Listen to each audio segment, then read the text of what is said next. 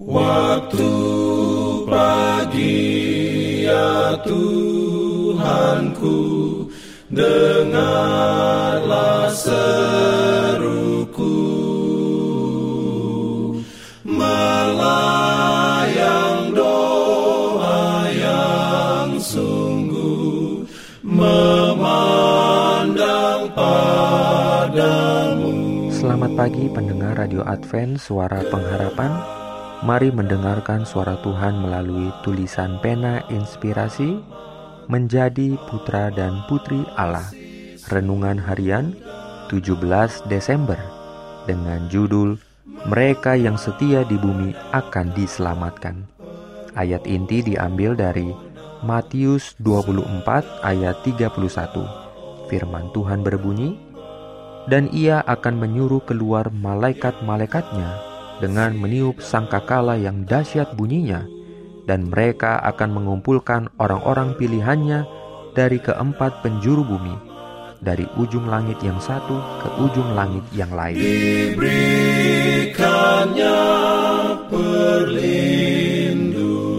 Urayanya sebagai berikut.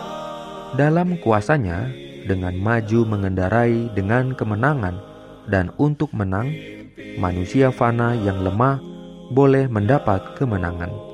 Singa dari suku Yehuda sangat mengerikan bagi mereka yang menolak anugerahnya, akan menjadi anak domba Allah bagi mereka yang taat dan setia.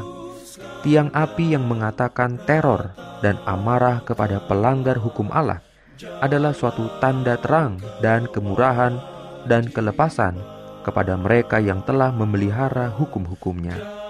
Lengan yang kuat untuk membinasakan para pendurhaka akan tetap kuat untuk melepaskan yang setia. Setiap orang yang setia akan diselamatkan. Ia akan menyuruh keluar malaikat-malaikatnya dengan meniup sangkakala yang dahsyat bunyinya, dan mereka akan mengumpulkan orang-orang pilihannya dari keempat penjuru bumi, dari ujung langit yang satu ke ujung langit yang lain. Dibandingkan dengan penduduk dunia yang berjuta-juta banyaknya, umat Allah akan sebagaimana yang telah terjadi kepada mereka menjadi sekumpulan kecil. Tetapi, jikalau mereka berdiri bagi kebenaran sebagaimana dinyatakan dalam firman-Nya, Allah akan menjadi perlindungan mereka itu. Mereka berdiri di bawah perisai lebar yang maha kuasa. Allah adalah selamanya golongan yang terbesar apabila bunyi sangkakala yang terakhir itu menembus rumah penjara orang mati, dan orang yang benar itu pun keluar dengan kemenangan, sambil berseru, Hai maut, di manakah kemenanganmu? Hai maut, di manakah sengatmu?